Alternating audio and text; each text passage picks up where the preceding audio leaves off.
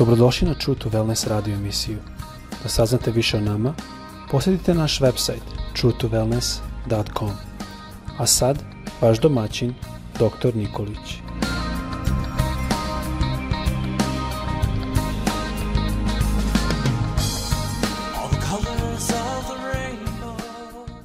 Draga braćo, drage sestre i dragi prijatelji, želim da vas sve srdačno danas pozdravim i da vam Bog danas bude blagoslov u vašem životu, da pomogne vam da budete oslobođeni od svih stvari koje vas možda sputavaju da bi bili slobodni.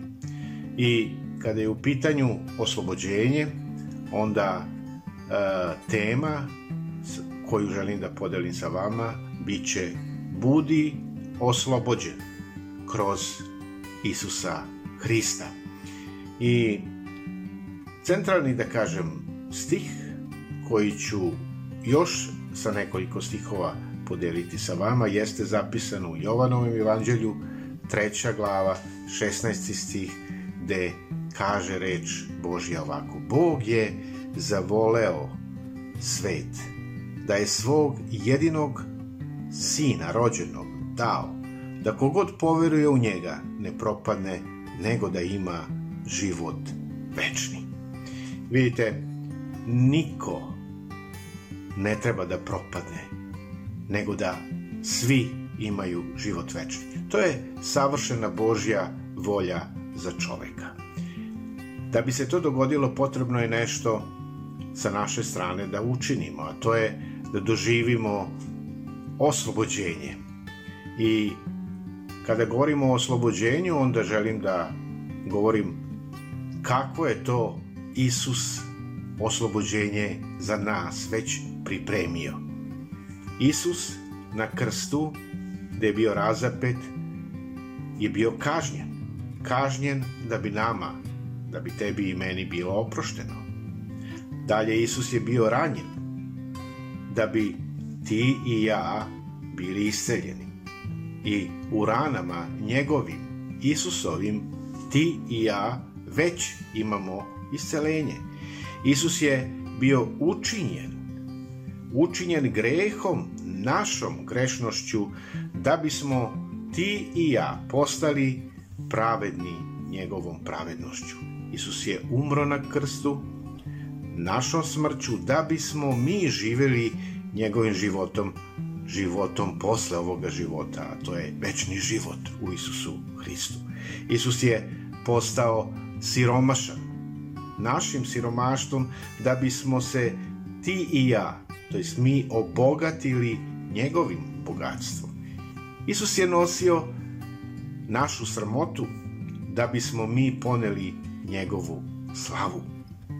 Isus je podneo našu odbačenost da bismo mi stekli njegovo prihvatanje kao deca Božja. I još jedna stvar, Isus je postao prokledstvo.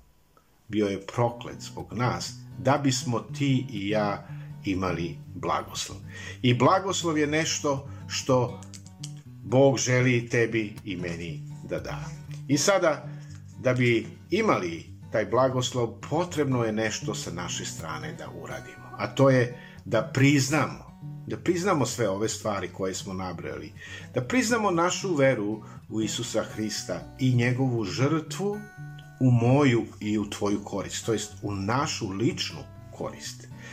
U Rimanima poslanici apostol Pavle u desetoj glavi, tamo u devetoga do desetoga stiha objašnjava da postoje dva suštinska, da kažemo, uslova za primanje te, tih povlastica Hristove žrtve.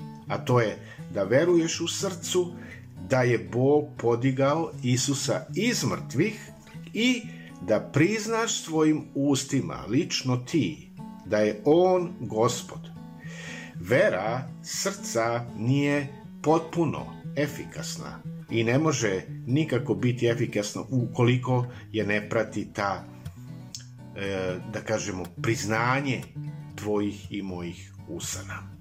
Doslo, doslovno to znači priznati, to znači ispovediti, To znači reći isto kao što je i sam Isus rekao. Jako je važno. U Jevrejima poslanici u trećoj glavi u prvom stihu piše da je Isus nazvan prvo sveštenikom naše veroispovesti. Znači, sveštenik nad svim sveštenicima jeste Isus Hrist.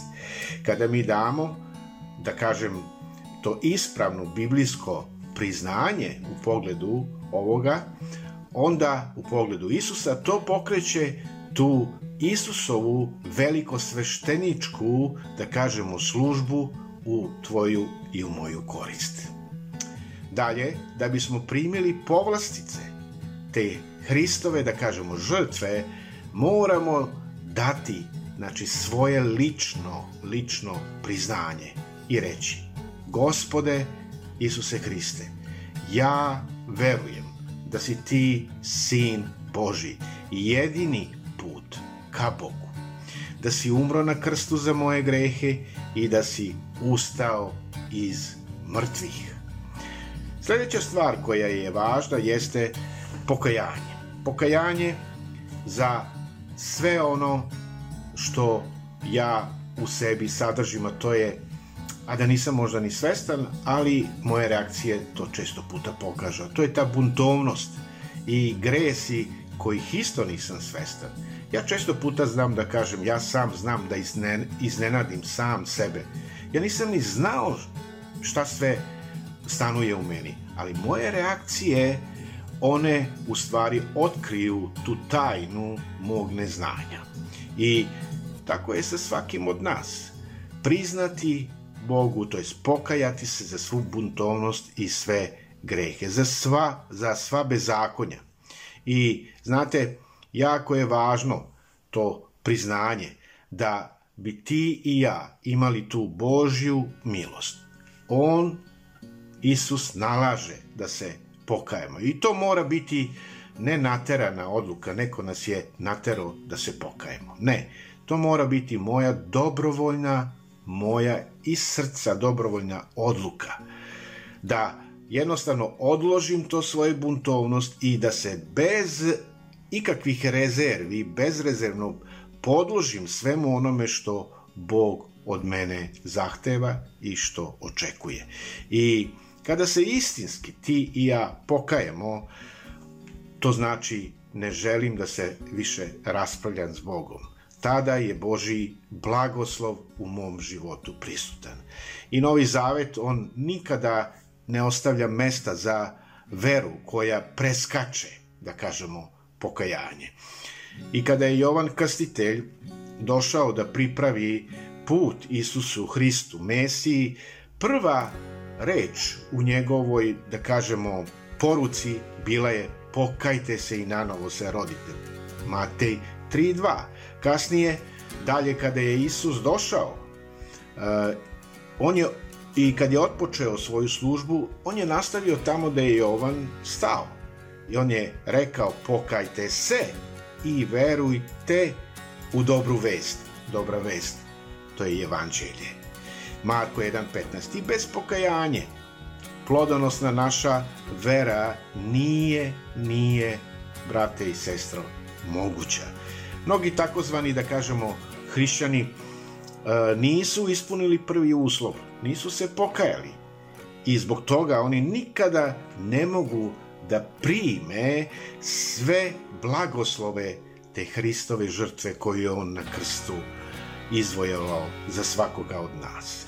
I zato neka molitva uh, koja će ići u pravcu ovoga bude Ja, gospode Bože, Isuse Hriste, odbacujem svu svoju pobunu i sve svoje grehe i podređujem se tebi kao mom gospodu.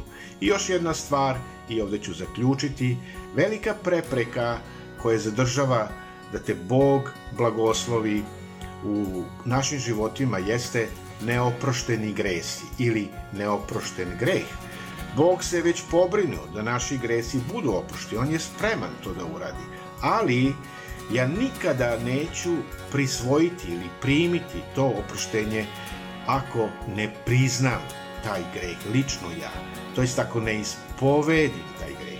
I u prvoj Jovanovoj, prva glava 9. stih jasno kaže, ako ispovedamo grehe svoje, veran je On, veran je Bog i pravedan da nam oprosti sve naše grehe i očisti nas od svake nepravde.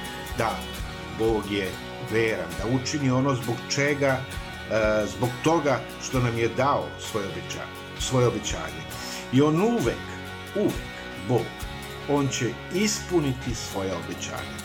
On je pravedan Bog i on jednostavno će ispuniti sva svoja obećanja. Moguće da ti je Bog već iskazao ili pokazao ili upro prst tamo da imaš problem s nekim grehom. I da kažemo da ti je rekao da taj greh jeste e, put ka prokledstvu. Ako je tako, priznaj sada. Priznaj sada taj greh i budi jednostavno jasan u tom priznanju da ti da doživiš oproštenje, da prokledstvo bude skinuto sa tvog života. Jer prokledstvo dolazi zbog greha ili usled greha i usled greha mogu da dođu prokledstva naših, e, da kažemo, predaka. Naročito ako je u pitanju neko ko se u generacijama iza nas deda baba ili neki čukun deda bavili se idolopoklonstvom, okultizmom, vraćanjem. Ja ne snosim krivicu za to zbog greha koji su preci učinili, ali na različite načine mogu da budem pogođen posledicama tih greha. I ako znaš da je to u pitanju, i ako znaš da je bilo toga, traži i zatraži od Boga da te oslobodi od svih posledica tih greha.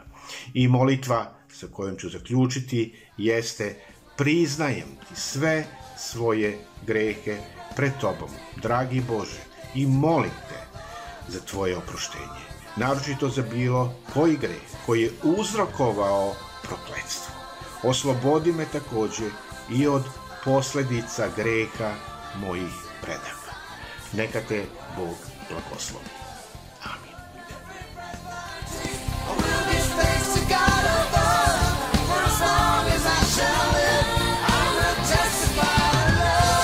Slušajte True to Wellness radio emisiju. Pridružite nam se ponovo svaki utorak, četvrtak i subotu. Za kontakt molimo posjetiti naš website truetowellness.com. Naša e-mail adresa je info at truetowellness.com.